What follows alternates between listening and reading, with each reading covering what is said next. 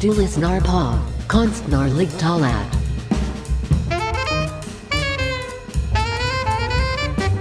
En podcast från Högskolan för scen och musik.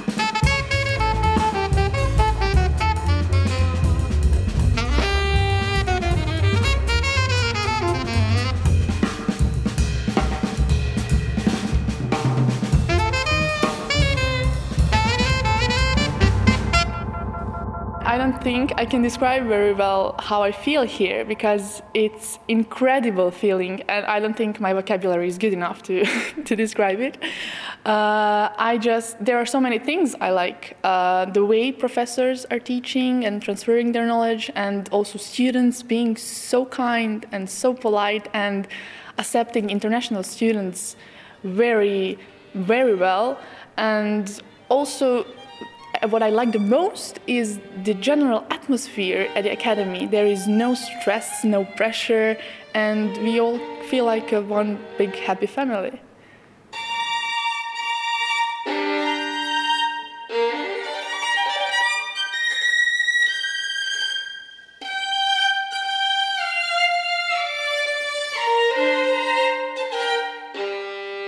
My name is Galina Djordjevic. I am 19 years old and I come from Serbia. Uh, I am studying um, bachelor program uh, with specialization in classical music and I play the violin.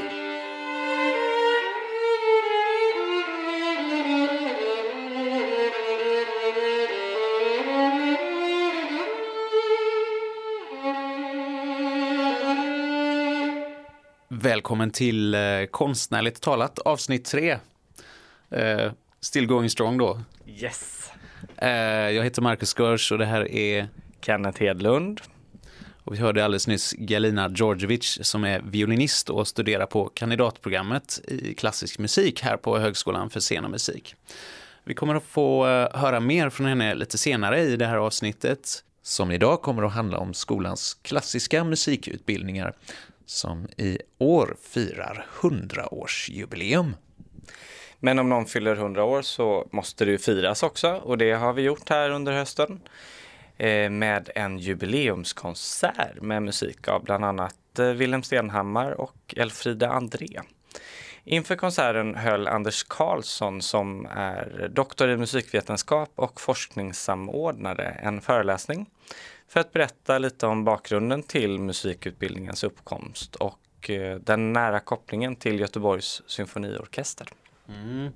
Kenneth, vi skickade ut dig på uppdrag på den här föreläsningen. Eh, Gick du på den? Jo, det gjorde jag. Och Lärde du dig någonting då? Ja, jag lärde mig en hel del. Som hur eh, musiklivet såg ut eh, under senare delen av 1800-talet och vilka det var som drev den, vilka som spelade och sådär. Vi ska ta oss tillbaka redan till 1850-talet innan det fanns några professionella symfoniorkestrar i Sverige. I Göteborg fanns då en löst sammansatt ensemble under ledning av en inflyttad tjeck, nämligen Josef Čapek. Han satte ihop konsertprogram som vi idag skulle kalla klassiska, men som då var väldigt moderna och faktiskt retade upp en hel del människor. Vi ska hoppa in i Anders Karlssons föreläsning och vi börjar med att få höra ett utdrag ur tidskriften Ny tidning för musik. Eh, Och jag vet, det här är en tidning från 1856, det är inte lätt att få skärpa på den, men jag läser. Det ser nästan ut som hade göteborgaren fått det infallet att bringa oss här i Stockholm på skam vad instrumentalmusikens vård och häng vidkommer. Skulle det göra allvar med saken så vet ingen hur det kan gå, ty göteborgaren är ett desperat folk som sällan förfelar att gå i land med vad det en gång tagit ombord. Och det tycks som skulle det denna gång verkligen göra allvar. Man vet att de klassiska symfonierna för några år sedan slog ner i ansenlig mängd och med stort eftertryck i våra konsertsalar. Och det dröjde länge innan det lyckades hovkapellet att med förenade krafter förjaga dem. De husvilla symfonierna styrde kosan till Göteborg och oaktat de förvånade affärsmännen icke vore förberedda på så romantiskt främmande tog de likväl emot flyktingarna med öppna armar. Att döma av senaste underrättelser tycks man å ömse sidor redan vara högst belåten med bekantskapen. Och på det vi här uppe åtminstone måtte få glädja oss åt smällen vill jag vi för ro skull upptaga programmet till herr Chapeks fjärde abonnemangskonsert den 16 januari som lyder sålunda. Och så ser ni ett klassiskt program med först en avdelning med Mozart-symfoni, samtliga satser. En andra avdelning med lite mindre saker och en del lätt, lättare. Och en avslutande avdelning med en hel Beethoven-symfoni. Man ger i Göteborg således abonnerade symfonikonserter, vilket här aldrig fallit någon människa in. Och detta är redan den fjärde och därtill ett program sådant som Figura utvisar. Vad tarantellan beträffar så var den väl blott en liten instrumenterad komplimang åt salongsmusikens hjältinnor. Lyckligt i ett land där man för så gott köp tillfredsställer den. Också lär den endast blivit så betraktad. För övrigt förmäler historien att konserten var bevistad av en talrik och högligen eh, animerad publik.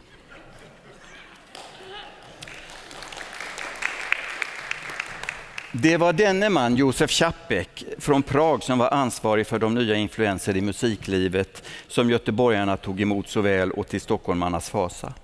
Čapek kom hit som, eh, som ledare för en ensemble Steiermarkische Gesellschaft 1847 efter en turné i Skandinavien och eh, övriga delar av Europa skulle de resa vidare till USA. Men Čapek hoppade av efter tips från bokhandlaren Gumpert som, om att det fanns gott om jobb här i stan. Och snart var Chapek inte bara musikdirektör för Kungliga Göta artilleriregementets musikkår, en stor musikinstitution eh, här i stan. Militärmusiken var väldigt stor eh, runt omkring i landets olika städer. Utan han var också musiklärare i snart sagt alla skolor samt organist i både synagogan och Engelska kyrkan. Och dessutom en massa andra aktiviteter som det vi såg nyss. Chapek blev bofast här, bildade familj och dog här 1915.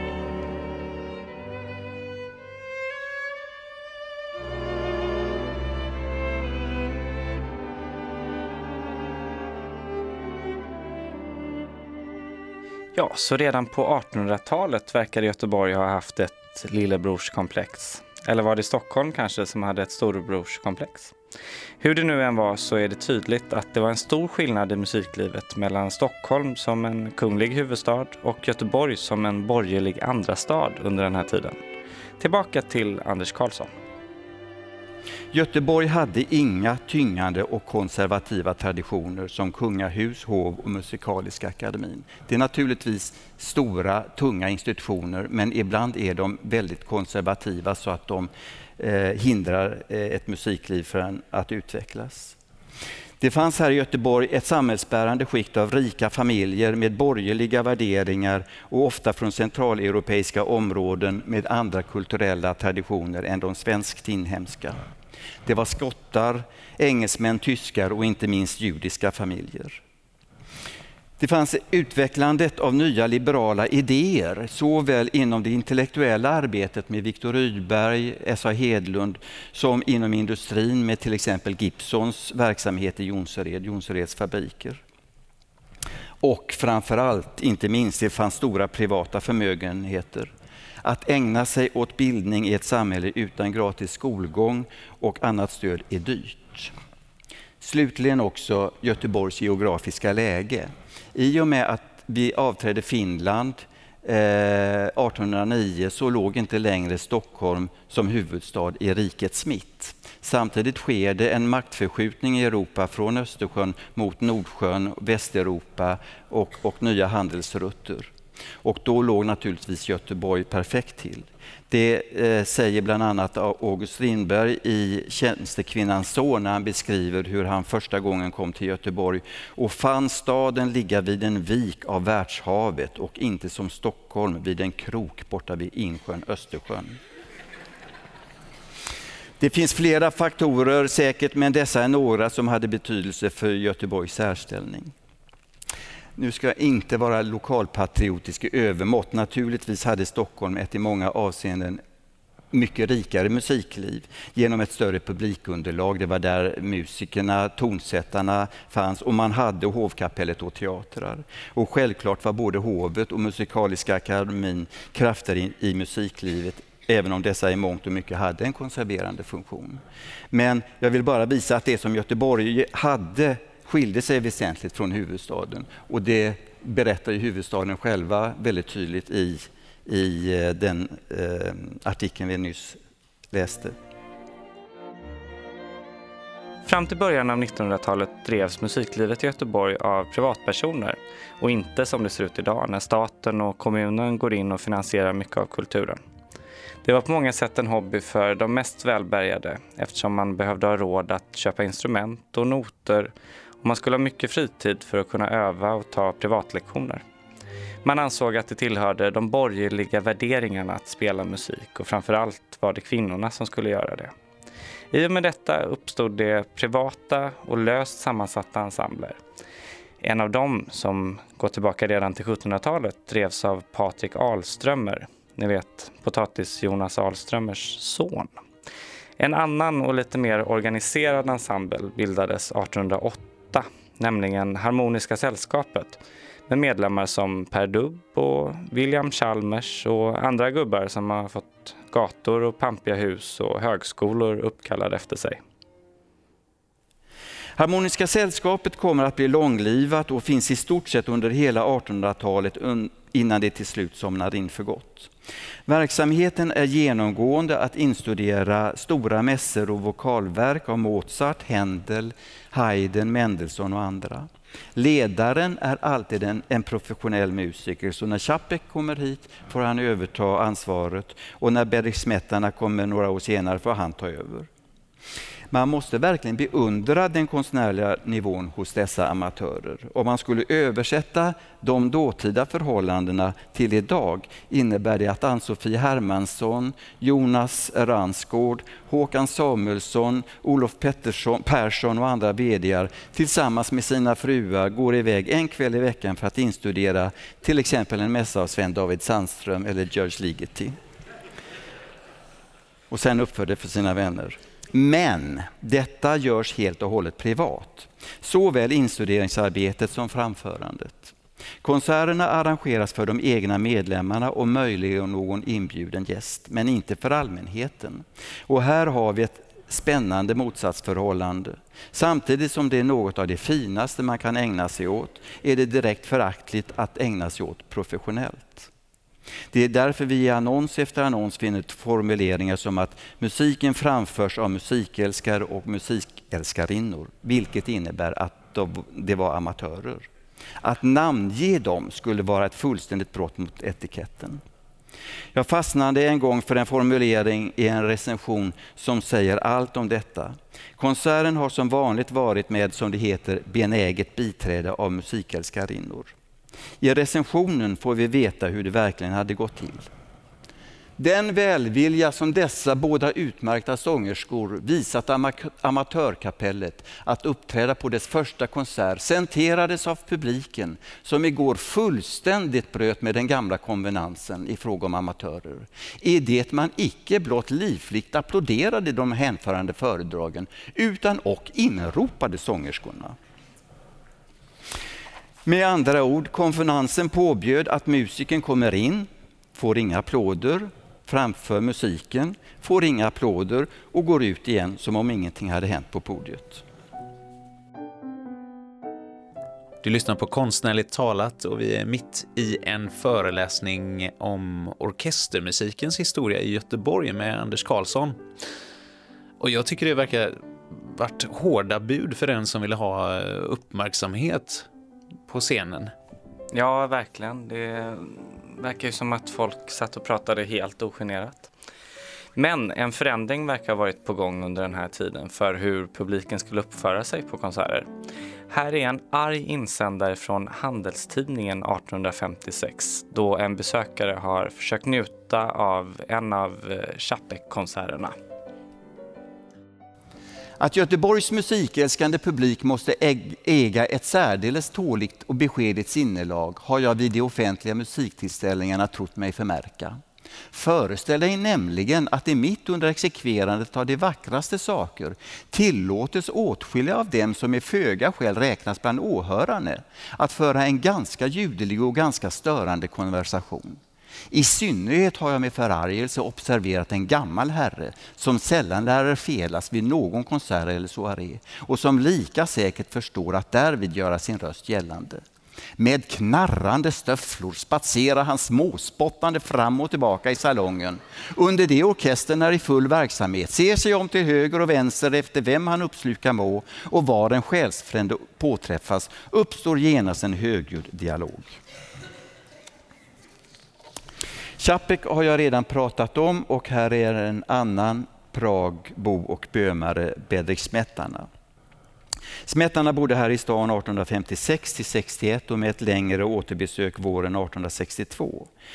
Konstnärligt var Smetana naturligtvis på en högre nivå än Čapek, men om Čapek ska sägas att han var den oförtröttlige byggmästaren av Göteborgs musikliv. Det var också han som till slut sa det som jag använt, använt bland annat för den här föreläsningen och också några andra gånger. Och det var när Chapek på 1880-talet tror jag blev ombedd att vara med och starta en förening för tidig musik. Då ska han ha sagt, nej bevara mig väl, här vill man hellre ha Handel och Bacchus än Händel och Bach. Så när, när jag såg den formuleringen, en Gnistan-anteckning, så, så hade jag rubriken så att säga.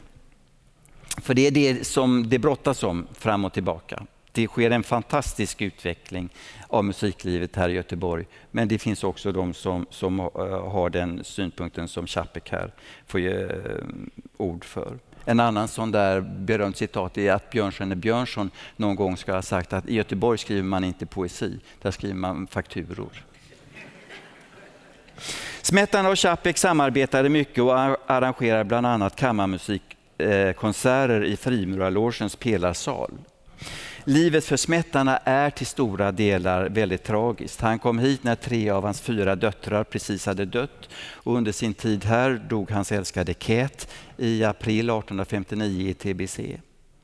Så småningom sker det politiska öppningar och förändringar i Böhmen tack vare att Österrikes makt försvagades och då bestämde sig smättarna för att flytta hem igen. Och samtidigt skriver han i ett brev till en vän att man i Göteborg, han är, är, trött på Göteborg där man med vanlig svensk senfärdighet har skjutit upp en orkesterbildning från år till år. Men samtidigt som man flyttar hem så bildas det faktiskt en orkester. Göteborgs orkester bildas 1862 och fungerar i fyra säsonger till 1866. Det är genom privat insamling naturligtvis och den leds av Josef Čapek Eh, omfattningen är ungefär 26-28 musiker. Eh, man håller till på Nya Teatern, eller Storan som den sen eh, döps om till på 80-talet. Framförallt ger den orkesterbiträde för operor, operasällskap och, och tillresande operasällskap och teatersällskap. Spelplatsen är, eh, ja, det, det, de ger ett fåtal egna symfoniska konserter. Det här med framförallt orkesterbiträde, det var det jag sa tidigare, när operan bildades, byggdes så var man nästan tvungen att ha en orkester. Därför det hörde till saken att tillresande opera och teatersällskap skulle ha en eh, eh, få tillgång till en orkester på platsen. Och teater på 1800-talet hade alltid musikinslag. Om det inte var vaudeviller med, med eh, sång på scen direkt i handlingen så gav man alltid entraktmusik, me mellanaktsmusik. Chapek satte igång att åkte ner till Böhmen och eh, Tyskland och engagerade tyska och böhmiska musiker att komma hit. Så på det sättet så fick vi en liten grupp utländska musiker. Göteborgs musikförening bildades 1872 och höll på i sex säsonger. Dirigent blev nu Andreas Hallén, en ung göteborgare som hade precis kommit tillbaka från sina Tysklandsstudier. Čapek fick nu typiskt sitta i styrelsen. Han växer i makt så att säga och anseende. Han gifter också in sig med, med Berta Haglund eh, i familjen, Hotell Haglund-familjen och får därmed en bra socialt kontaktnät eh, att kunna verka i. Eh, Orkestern är något större, ända upp till 36 musiker och de håller till på Storan. De ger 10 abonnemangskonserter per säsong. Eh, 10 stora, tunga konserter. Dessutom väldigt många populärkonserter, utomhuskonserter, sommartid och välgörenhet, välgörenhetskonserter. Och dessutom börjar man diskutera en orkesterskola.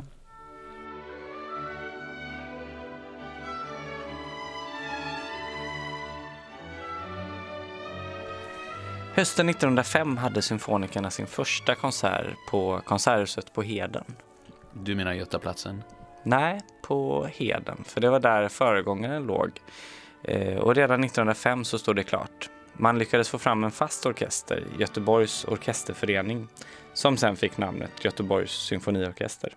Och för att spara pengar så byggde man konserthuset i trä. Ja, det låter ju smart. Nej, det var ju inte det. För det brann nämligen ner fredagen den 13 januari 1928. Då hade den nya orkesterutbildningen huserat där sedan 1916. Här är vi framme vid Konservatoriets, Musikhögskolans, HSMs och allt vad vi har hetat födelse. 26 augusti 1916 i eh, Göteborgstidningen, båda antar jag, Göteborgs orkesterskola. Om tillräckligt antal elever anmäla sig kommer i samband med Göteborgs symfoniorkesters verksamhet att i oktober 1916 öppnas en orkesterskola i Göteborg avsett att utbilda orkestermusiker, fackmusiker. Skolan står under tillsyn och ledning av kapellmästarna Wilhelm Stenhammar och Hjalmar Meissner. Här står också tills vidare mottagas endast manliga elever och så var det ganska länge. Och eh, det är undertecknat eh, Peter Landberg, Herman Mannheimer och, och hela den gruppen däromkring. Nästa steg i den utvecklingen är fem år senare när också en skola för körsång bildas. Nu är vi framme 1921 och eh, där eh, öppnar man också inom Göteborgs orkesterskola en avdelning för körsång. Eh, det är fortfarande antagas endast manliga elever, står det där. Men här står det såväl kvinnliga som manliga elever emottagas och undervisningen här är avgiftsfri. Här är terminsavgiften 100 kronor och när jag tittade på det materialet nere på Stadsarkivet så var det många som betalade men det var väldigt många som inte kunde betala och som då fick stöd av enskilda personer här i stan som gick in och, och bjöd dem på det för att de skulle kunna eh, utbilda sig till musiker.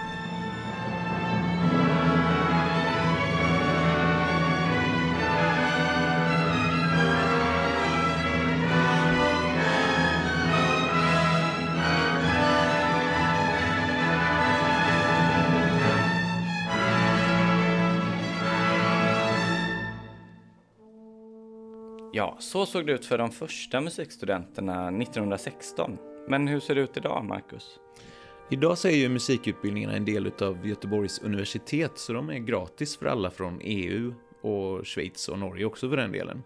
Och det har blivit en väldigt internationell skola med studenter från en massa andra länder också. Som tur är så finns det exceptionellt många stipendier som de kan söka för att finansiera sina studier. Varje år så förmedlar Högskolan för scen och musik ungefär 3 miljoner kronor i stipendiet till sina studenter. Kommer du ihåg hon eh, Galina Djordjevic? Ja, det var ju hon violinisten som går på klassiska kandidatutbildningen som vi hörde i början av det här avsnittet. Mm. Hon fick eh, nyligen ett riktigt stort stipendium ur Ingeborg och Roy Staremarks fond. Well, I received Staremark scholarship and uh, it's uh, really it really means a world to me. Because coming from a country like Serbia, which which has completely different um, standard uh, than Sweden, it, it's really hard for me as a Serb to afford my schooling here. So getting this kind of help is beyond uh, important to me, and it really helps me a lot to to reach my goals in a way because for now my uh, biggest um, concern is just to be able to afford to stay here. So it's really, really important to me. It's much easier to apply for scholarships here than I thought, and Academy offers uh, so many of them, uh, which really surprised me. I think students have really good opportunity when it comes to scholarships in general.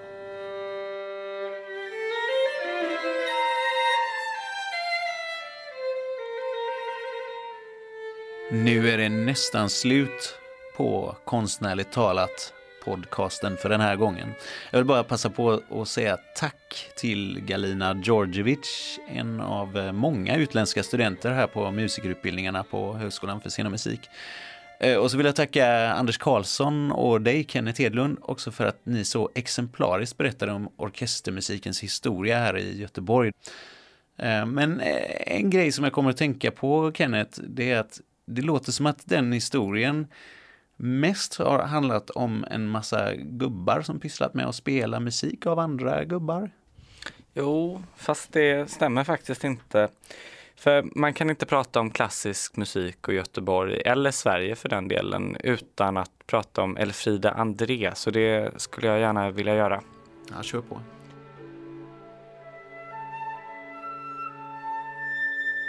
Elfrida André, hon levde mellan 1841 och 1929 och var tonsättare och dirigent. Hon var dessutom en riktig pionjär inom det svenska musiklivet och lyckades driva igenom en lagförändring som gjorde att även kvinnor kunde arbeta som organister.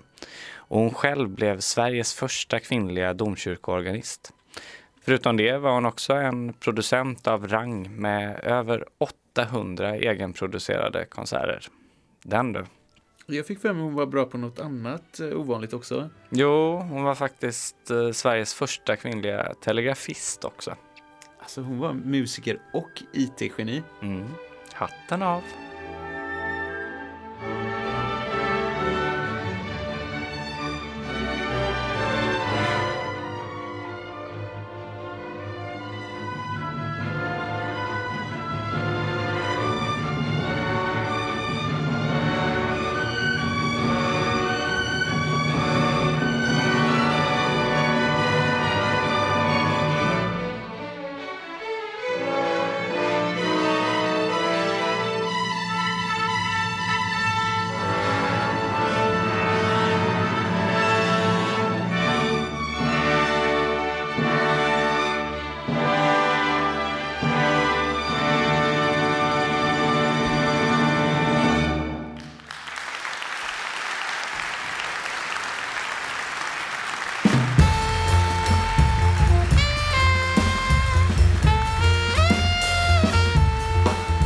lyssnat på Konstnärligt talat. En... Konstnärligt talat. Konstnärligt talat, en podcast av Högskolan för scen och musik vid Göteborgs universitet. De som har gjort programmet är Programledare Marcus Görs och producent Kenneth Hedlund. Signaturmelodin som du hörde är gjord och framförd av Martina Almgren, Thomas Gärdelund och Thomas Markusson med Oskar Karlsson som tekniker. Vill du veta mer om Högskolan för scen och musik, gå in på vår hemsida www.hsm.gu.se. Tack för att du har lyssnat. Tack för att du har lyssnat. Musiken du har hört i programmet är Violinkonsert i G-moll av Max Bruch och solopartita av Johann Sebastian Bach framförda av Galina Djordjevic. Andante religioso av Josef Čapek, Sommarminnen från Bjurslätt av Elfrida André och Erinnerungen an Böhmen av Bedrich Smetana från skivsamlingen Souvenirer från Göteborg. Och konsertouvertyr i D-dur av Elfrida André framförd av University of Gothenburg Symphony Orchestra under ledning av Henrik Schäfer.